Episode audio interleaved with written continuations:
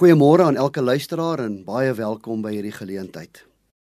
Kom ons loof die Here saam met 'n loflied.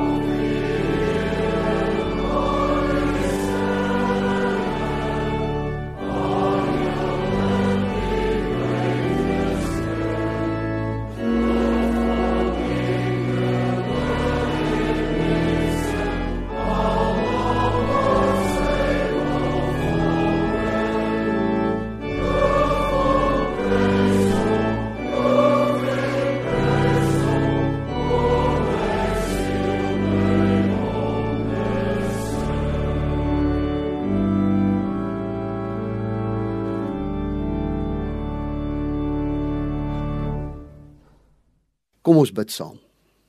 Ons Vader, ons dankie dat ons na U toe kan kom in die naam van Jesus Christus ons Here. Ons dankie vir hierdie spesiale geleentheid om U naam groot te maak. Ons dankie vir U woord. Ons dankie vir die waarheid van U woord. Sal U vandag asseblief U woord vir ons open en sal U dit in ons harte ingraveer en sal U ons lewens daardeur verryk en verander. Open u woord, o Gees vir ons. In Jesus naam vra ons. Amen. Ons praat vandag oor die tema voorbereid of onvoorbereid. Nou God se naam is deesdae op almal se lippe. Maar hy's nie in almal se lewens nie. Om elke hoek en draai gebruik mense die Here se naam. Of iemand sin wat so syne klink. Van sportsterre tot Hollywoodsterre gebruik sy naam. Op elke WhatsApp boodskap of 'n Facebook inskrywing of 'n Instagram boodskap hoor ons of sien ons iets van God of van die Christelike leer. In nuusblaaie, in werksplekke, oral. God se naam het 'n uitroepteken geword. En dis wonderlik, want dis die naam bo elke naam. Die slegte is egter dat dit baie keer net lippetaal is. Want u sien dis een ding om God se naam te ken, maar is iets anders om in sy naam te leef. Daar is 'n soortgelyke situasie in die Bybel en ons lees vandag saam uit Matteus 25 vers 1 tot 13. Dan sal dit met die koninkryk van die hemel gaan soos met 10 meisies wat 'n lampe gevat het om die bruidegom te gaan inwag. Vyf van hulle was onverstandig en vyf verstandig. Die onverstandiges het hulle lampe gevat, maar nie ekstra olie met hulle saamgeneem nie. Terwyl die verstandiges saam met hulle ook nog olie in houers geneem het. Toe die bruidegom lank wegbly, het hulle almal vaak geword en aan die slaap geraak. In die middel van die nag was daar 'n geroep: "Hier kom die bruidegom, gaan hom tegemoet." Toe staan al die meisies op en maak hulle lampe reg. Die onverstandiges sê toe vir die verstandigers: "Gee vir ons van julle olie, want ons lampe gaan dood." Maar die verstandiges antwoord: "Nee, daar is nie genoeg vir ons en vir julle nie. Gaan liewer winkel toe en koop vir julle olie." Terwyl die onverstandiges olie gaan koop het, het die bruidegom gekom. Die wat gereed was, het saam met hom ingegaan na die bruilof toe en die deur is gesluit. Later kom die ander meisies ook daaraan en roep: "Meneer, meneer, maak vir ons oop." Maar die bruidegom antwoord: "Ek sê vir julle, ek ken julle nie." Waak dan, omdat julle nie weet op watter dag en uur dit sal gebeur nie. Voorbereid of onvoorbereid. En in hierdie gedeelte, liewe luisteraar, lees ons van vyf verstandige en vyf onverstandige meisies. Vyf wyses en vyf dwaases. Vyf voorbereides en vyf onvoorbereides. En die disippels wou by Jesus weet wanneer hy kom en hy antwoord hulle in Matteus 24 vers 36 toe hy gesê het die dag en die uur weet niemand nie En Jesus voel so sterk oor hierdie beginsel dat hy dit herhaal in Matteus 24 vers 42 en 44 en 50. Vier keer in hierdie gedeelte. Daar is 'n uur wat niemand van weet nie. Dit sal skielik wees. Dit sal onverwags wees. Daar sal tekens wees soos wat Matteus 24 vers 4 tot 31 vir ons sê, geboortepyne. Maar die dag en die uur weet niemand nie soos 'n dief in die nag skryf Paulus. Nou hierdie gelykenis roep my en jou op om bewus te wees van die feit dat dit skielik en onverwags gaan wees en dat ek en jy voorbereid moet wees en nie onvoorbereid of aan die slaap gevang sal word nie. Daar sal 'n tyd wees wanneer hy die voorbereide dienskneg sal vergoed sê die Bybel en die onvoorbereide sal oordeel. En dit maak ons bewus en roep ons op om gereed te wees, om voorberei te wees, om attent te wees, omdat dit onverwags en vinnig sal wees. U sien met Jesus se eerste koms was die wêreld ook nie gereed nie. In Lukas 19 vers 41 staan dit baie duidelik: Ek wou julle bymekaar maak soos 'n hen haar kuikens, maar julle wou nie. In hierdie gelykenis wil ons waarsku hierdie boodskap van Jesus, hierdie preek van Jesus, wil ons waarsku dat dit nie weer moet gebeur nie. En die tema van die gelykenis is baie eenvoudig. Dit is nie kompleks nie. Dit wil eenvoudig sê dat Jesus weer kom en dat ons gereed moet wees, want daarna sal daar nie weer 'n kans wees nie. Dan sal die deur spreek woordelik gesluit wees. Maar die gelykenis is egter, liewe vriend en vriendin, nie so maklik verstaanbaar nie. Sommige teoloë wil dit te moeilik maak en ander te maklik. En kom ons poog vandag om ons vinger op die teks te hou en ons kyk na vier belangrike dinge in hierdie teks. Die eerste is die troue. Tweede, die meisies, die bruidsmeisies. Die derde, die bruidegom en in die vierde plek die waarskuwing die troue. Dis immers 'n troue, tipies soos in die vroeë kerk in 'n klein dorpie in Israel. En 'n troue was 'n groot affære op so 'n plattelandse dorpie. 'n Groot sosiale geleentheid en almal van die dorp was op een of ander manier betrokke. En 'n Joodse troue het 3 elemente gehad. Daar was 'n verloving. En dit het gebeur voor die troue en dit was 'n formele verbintenis tussen die paas. Daar was ook 'n verbintenis, 'n offisiële seremonie voor familie en vriende waar hulle beloftes vir mekaar in die openbaar verklaar het. En nou is hulle getroud. En dan het die bruidegom ongeveer 1 jaar gehad om alles vir sy nuutverkose vrou reg te kry. Hy moes vir haar 'n huis kry want hy moes vir haar kan sorg. So hy het teruggegaan en voorberei voordat hy haar gaan haal het. En dan was daar die huweliksfees die gammus soos wat dit in die Hebreëse taal is. En sy wag by haar huis met haar bruidsmeisies en dan maak hy sy bruidsmanne bymekaar en dan steek hulle hulle fakkels aan. Gewoonlik was dit in die aand en dan loop hulle met vreugde deur die strate. En nou dat alles reg is, nou dat die huis voorberei is vir haar en die gaste, dan kon hulle inkom en hulle kon feesvier. En jy gaan dit nie glo nie, Soms was dit vir 7 dae lank. En na die feesvieringe het die seremoniemeester die hande van die bruidegom en die bruid gevat en dit in mekaar gesit en almal het geloop en na die lang wag was die bruidegom en die bruid uiteindelik bymekaar. Maar in die tweede plek die bruidsmeisies praat hierdie teks van. Daar was 10 meisies en al 10 van hulle het lampe gehad. Eintlik was dit fakkels Dit was 'n houer met 'n lap in wat op 'n houtpaal vasgemaak is, waarin daar olie gegooi is of die lap is in olie gedoop en dan is dit aan die brand gesteek. En dan het hulle 'n flessie met olie om hulle nekke gedra sodat wanneer die olie opgeraak het en die lap uitgebrand het, dat hulle genoegsaam olie het om dit weer aan die brand te steek. Dit was dieselfde fakkels wat die Romeinse soldate gedra het toe hulle Jesus in Getsemane gevange geneem het. En hierdie 10 maagde wat wag om die bruidegom te ontmoet, en hulle is spesiaal gekies en was spesiaal aan die bruid se groep gekoppel. Die getal 10 word hoog aangeslaan in die Joodse wêreld. Byvoorbeeld, daar is 10 mans nodig om 'n sinagoge te konstitueer. 10 mans om 'n seën op 'n troue uit te spreek. So die 10 meisies was 'n goeie getal in die Joodse tradisie. En die lampe was die simbool dat hulle aan die troue verbind is. Vandag sal dit bruidsmeisies wees en vandag sal hulle blomme of kersse dra. Maar wie was die meisies? Hulle was saam met die wat gewag het op die koms van die bruidegom. Hulle het waarskynlik al 10 gesê dat hulle in Jesus glo.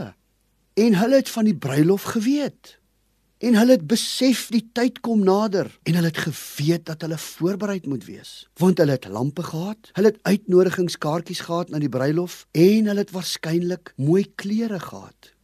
Hulle teenwoordigheid op die troue sê dat hulle ingeïnteresseerd is want hulle wil die bruilof bywoon. Dit lyk of hulle kyk na die koms van die bruidegom of gereed is vir sy koms. Hulle lyk almal dieselfde maar hulle is nie En dis die boodskap van die gelykenis.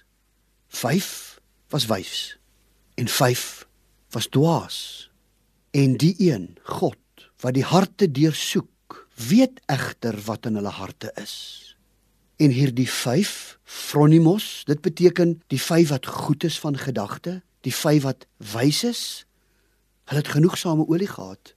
Maar dan was daar ook die 5 moros. En die woord verklaar dit Dit kom afgelei van die woord moroon of dwaas. So uiterlik was hulle dieselfde, maar innerlik uiters verskillend. Dit was twee pole. Vyf van hulle was wys en vyf was spreekwoordelik moroonagtig. U sien die Here weet wie se hart op hom gerig is. God weet wat in hierdie oomblikke in jou hart aangaan. En wanneer God na geloofsgemeenskappe kyk, dan lyk ons baie keer van buite dieselfde. Maar binne kan ons verskil. As God na huise kyk, lyk ons baie keer van buite dieselfde, maar van binne verskillend. As God na huwelike kyk, lyk ons baie keer van buite dieselfde, maar dis die binneste, dis die hart van die mens wat die verskil maak. Jy sien die verskil was, die wyses het hulle flessies volgemaak. Die dwaases het net hulle lampe gevat en geen ander olie saamgevat nie. Met ander woorde, hulle het geen volledige voorbereidings getref nie. Hulle het nie vir die belangrikste voorsorg getref nie, die olie sodat hulle lampe bly brand nie. Net 5 het die egte olie van voorbereiding gehad. En nou, wat is die olie? Dit is die realiteit van God se reddende genade. Die olie is God se genadewerk in jou lewe. Die olie is die feit dat jy die genadewerk van God omarm het. Jy sien God het jou ou hart uitgeruk en jou 'n nuwe hart gegee. Toe Jesus aan die deur van jou hart en van jou lewe kom klop het en jy daardie deur vir hom iewers op 'n dag of op 'n in 'n tyd oopgemaak het, het hy jou lewe kom vernuwe. Hy het die ou kliphart uitgehaal sê die woord in Esegiel en het jou 'n hart van vlees, 'n hart van vleis gegee, 'n sagte hart, 'n hart wat deurdrenk is met sy genadige olie. Dis asof Jesus sou sê dat daar 'n klomp mense op die troue is wat uiterlik dieselfde is, maar verskillende harte het. Sommige voorbereid en ander onvoorbereid.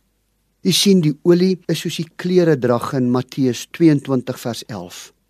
Is 'n sekere koning wat 'n troue gereël het vir sy seun. En op die troue sien die koning 'n man wat nie die regte klere aan het vir die troue nie. En hy's verwyder. Hoekom? Omdat hy onvoorbereid was.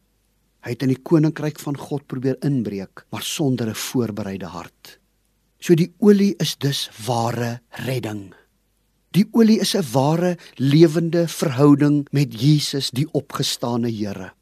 Die olie is ware heiligheid deur geloof in Christus.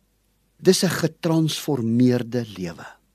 Maar die ander, die ander 5 lyk soos Paulus wat aan Timoteus skryf. Hulle sal nog die uiterlike skyn van die godsdiens hê, maar die krag van die godsdiens sal hulle nie ken nie.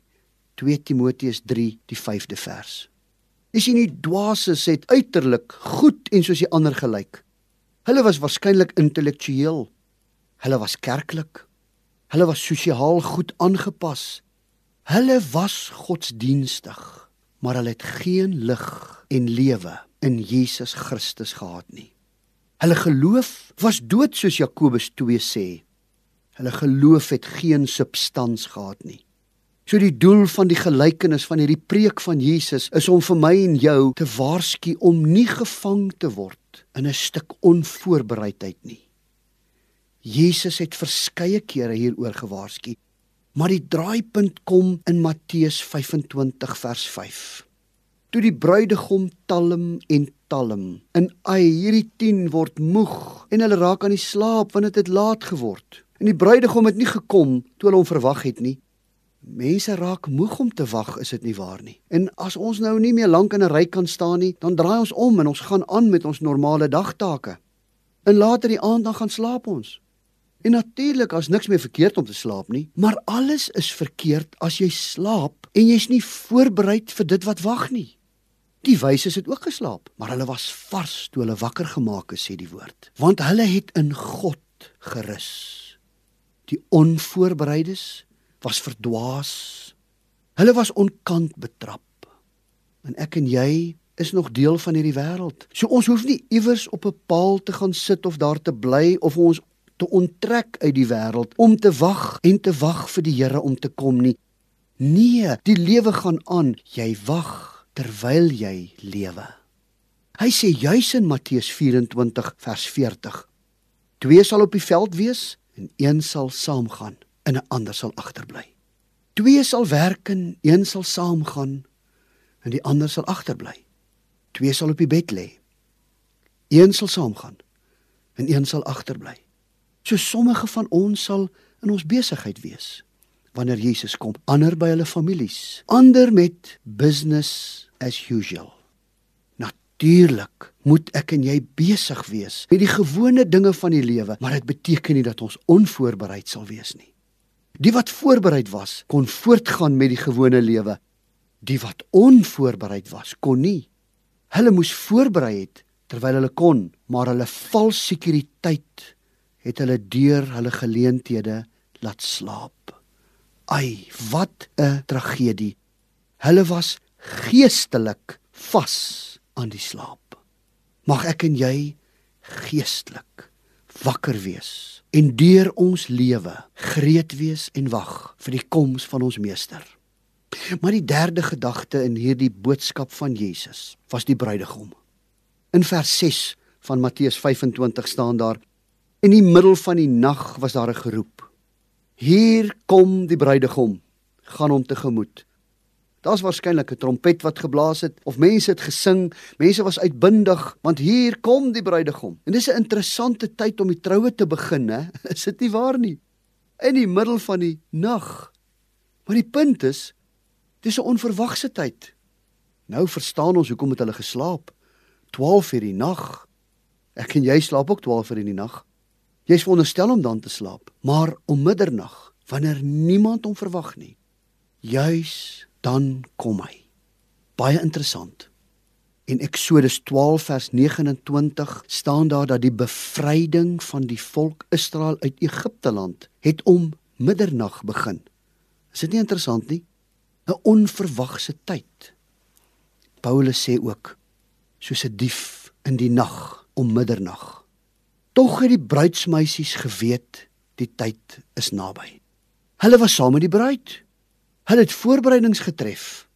Hulle het presies geweet in hierdie oomblikke gaan die bruidegom kom, maar hulle het steeds die geleentheid gemis. Bid jou aan. Kan jy dit glo? Teen middernag is die aankondiging gemaak. Gaan hom tegemoet. Eers op die moment het die troue begin. Maak nie saak hoe laat dit is nie. Dit gaan in elk geval 7 dae hou, hierdie troue. Die man met sy 10 manne ontmoet die bruid met haar 10 bruidsmeisies met hulle lampe. Hulle is gereed om hulle lampe aan te steek en hulle te vergesel na hulle huis toe. En dan in vers 7 staan daar 'n belangrike ding. Toe staan al die meisies op daar in die middel van die nag en hulle maak hulle lampe reg. Die wat olie gehad het, gooi dit op hulle lappe en steek dit aan. En dit skyn, dit maak lig vir almal in die donker. Maar die wat nie olie gehad het nie, hulle moes begin soek. Hulle moes hardloop. Daar was 'n harwar en hulle moes winkel toe gaan. En natuurlik was die winkel om middernag nie oop nie, want hulle was onvoorbereid. Hulle het nie geweet van 2 Korintiërs 13 vers 5 waar Paulus sê ondersoek julleself of julle in die geloof lewe. Miskien is dit vandag in hierdie oomblikke, die tyd dat ek en jy ons lewe self sal ondersoek of ons in die geloof lewe, of ons lampe vol olie is, of ons die reddende genade van Jesus in ons lewens gesmaak het en dit aanvaar het, of ons verhouding met Jesus lig en lewe het. Want jy sien, omdat hulle nie hulle self ondersoek het nie, het hierdie vyf dwaases nie olie in hulle lampe gehad nie. Hulle het nie die genade van God vasgegryp nie. Hulle het nie die getransformeerde lewe gehad nie. Hulle het nie die Heilige Gees beleef nie. Gee ons van julle olie, roep die dwaase uit. As Jesus vir my en jou kom, dit kan vandag wees. Dit kan oor 10 jaar wees. Dit kan oor 50 jaar wees. Het sy deur die dood of deur sy tweede koms? kan almal in die hemel en op die aarde vir jou part staan en huil. Hulle kan hulle hare op uit hulle koppe uittrek, maar niks kan jou dan meer red nie. Die wyses was nie selfsugtig omdat hulle nie olie wou gee nie. Dis nie wat Jesus in hierdie gelykenis wil oordra nie in hierdie boodskap van hom nie. Wat hy wil oordra is dat jy nie redding kan oordra aan iemand anders nie. Die gereddes kan nie die verlorenes red nie. Elke persoon is verantwoordelik vir sy of vir haar eie redding. Ek kan nie vandag jou hand vat en jou intrek in die hemel nie. Jy moet self die keuse maak. In Jesaja 55 vers 1 staan dit dan so duidelik: Kom koop by my melk gratis en verniet. Johannes sê dit in Openbaring: Kom koop by my goud dat jy ryk kan word. Kom koop by my klere dat jou naaktheid bedek kan word. Kom koop by my oogsalf. Kom kry dit by my gratis by Jesus dat jy geestelik kan sien. Want jy sien, die olie was beskikbaar, maar nie middernag nie. En ek en jy het in hierdie dag nog geleentheid om olie te kry. Die verkopers van olie staan daagliks en verkoop. Ek is een van hulle wat nou olie aan jou wil verkoop. Predikers, die woord wat uitgaan die profete, die apostels. En hier oor die golwe van die radio hoor jy vandag dat die genade van Christus vir jou beskikbaar is. Want jy kan nie sonder olie ingaan nie. En Jesus was verskriklik ernstig toe hy hier gepreek het dat daar mense is wat sê dat hulle in Jesus glo wat soos al die ander gelowiges lyk wat lampies het wat uitnodigingskaartjies het maar wat onvoorbereid is. Lukas 6 vers 46 sê die volgende: Hoekom sê jy vir my, Here, Here, maar jy doen nie wat ek sê nie, pleit Jesus. En Jesus vertel verder dat dit sal wees soos 'n man wat sy huis op op 'n rots bou. En as jy jou huis op 'n rots bou, kan die water maar kom, dit sal net dit wegspoel nie. Maar aan die ander kant is daar 'n man wat sy huis op die sand bou en dan kom die water en dit kalwe die sand weg en dan is daar nie 'n fondasie onder nie en op 'n stadium dan val die huis in mekaar. Asof Jesus wou sê daar is mense wat hulle geloofshuis gebou het sonder enige fondasie. Die reddende genade van Jesus Christus is verseker die fondasie waarop ek en jy moet bou. Want jy sien, as ons onverstandig is, dan het ons nie die wedergeboorte van God gesmaak nie. Ons het nie die transformasie van lewe gesmaak nie. Dan is ons soos mense wat van Jesus praat, wat selfs aan 'n geloofsgemeenskap behoort, maar wat onvoorbereid is. En dan in die laaste oomblik, wanneer daar gesê word dat hulle gou olie gaan koop, sê Matteus 25 vers 10. Terwyl die onverstandiges olie gaan koop het, het die bruidegom gekom Die wat gereed was, het saam met hom ingegaan na die bruilof toe en die deur is gesluit. Dit moet verskriklik wees. Die oomblik dat jy die heilige God moet ontmoet, besef jy jy's onvoorbereid.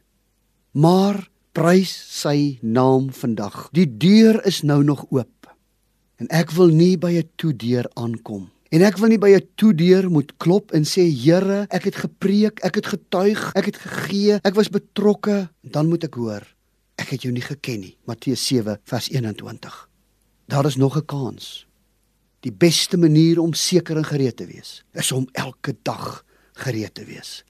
Elke dag volhardend te wag op sy koms. Daar is 'n laaste gedagte in Jesus se uitstekende preek in Matteus 25 en dis die waarskuwing. Dis waarskynlik wat Jesus wou bereik het deur sy boodskap. En hy sê in vers 13 van Matteus 25: Waak dan. Letterlik beteken dit wees gereed, want jy weet nie wanneer Jesus terugkom nie. Vir die 5de keer in hierdie twee hoofstukke sê Jesus: Omdat julle nie weet watter dag en uur dit sal gebeur nie, wees gereed. Want jy en ek weet nie. Ons weet nie. Ons weet nie.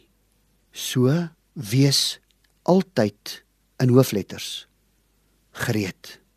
Want jy sien, 'n bietjie laat kan vir altyd te laat wees. En Jesus pleit in hierdie gelykenis moenie onvoorbereid gevang word nie. Natuurlik wou Jesus nie die mense van sy dag bang praat nie, net soos ek jou ook vandag nie wil bang praat nie, want Jesus sê daar is nog genade tyd. Het iemand nie eendag gesê dis nie hoe jy begin nie, maar dis hoe jy eindig. As die naloper Hussein Bolt net moes gedink het oor hoe hy moes begin, het hy nooit by die wenpaal gekom en die wêreldrekord gebreek nie. Daarom kan ek en jy vandag begin sodat ons kan eindig in die ewigheid saam met God. Sal jy hierdie twee boustene vandag met jou saamneem? Die bousteen van volharding wat Jesus wou oorbring in hierdie gedeelte. Dit laat my dink aan Hebreërs 12 vers 1 tot 3 en veral vers 3. Hou die oog gefestig op Jesus want hy's die begin en hy's die einde van jou geloof. En dan sê hy: "Hou hom voor oë, dan sal jy nie geestelik moeg word en uitsak nie. Bly saam met God volhard in hierdie wedloop." Maar die volgende bousteen is om voorberei te wees. En ek wil jou uitnooi dat jy wat in 'n lewende verhouding met Christus leef, leef voorberei. Leef geesvervuld soos wat Paulus skryf in Efesiërs 5 vers 18 Moet julle nie aan drank te buite gaan nie want daarmee gaan losbandigheid gepaard. Nee, laat die Gees jou vervul. Mag God se Gees jou lewe vandag opnuut volmaak. Liewe luisteraar, miskien sit jy vandag voor hierdie radio en miskien luister jy en miskien is die Gees van God besig om nou aan die deur van jou lewe te klop.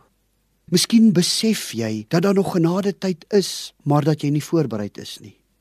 Wil jy nie vandag die deur van jou lewe vir ons Vader, vir Jesus wat vir jou gesterf het, oopmaak, sodat hy jou lewe kan vul met sy olie, sy gees, sy reddende genade en mag jy in hierdie oomblikke sy sekerheid beleef.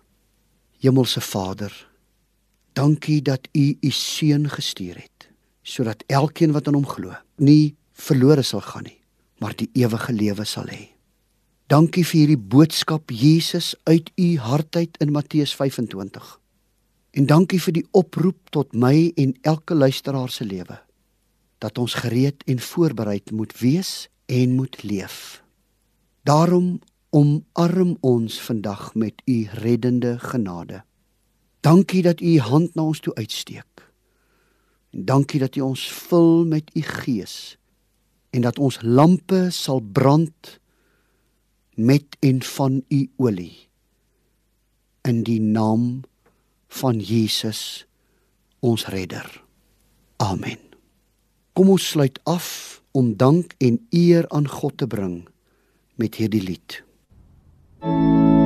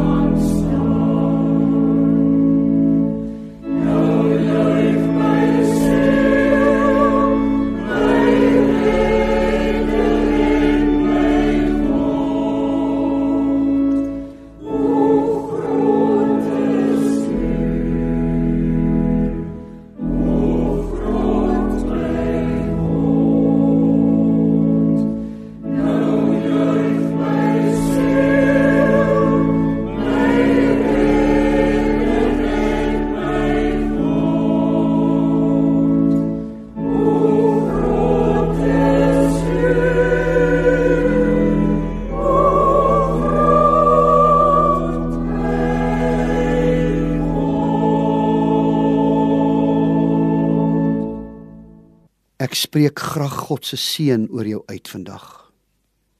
Die genade van ons Here Jesus Christus, die liefde van God ons Vader, die teenwoordigheid van die Heilige Gees sal by jou en met jou wees en jou help dat jou lamp voortdurend vol olie sal wees. Amen. God seën jou.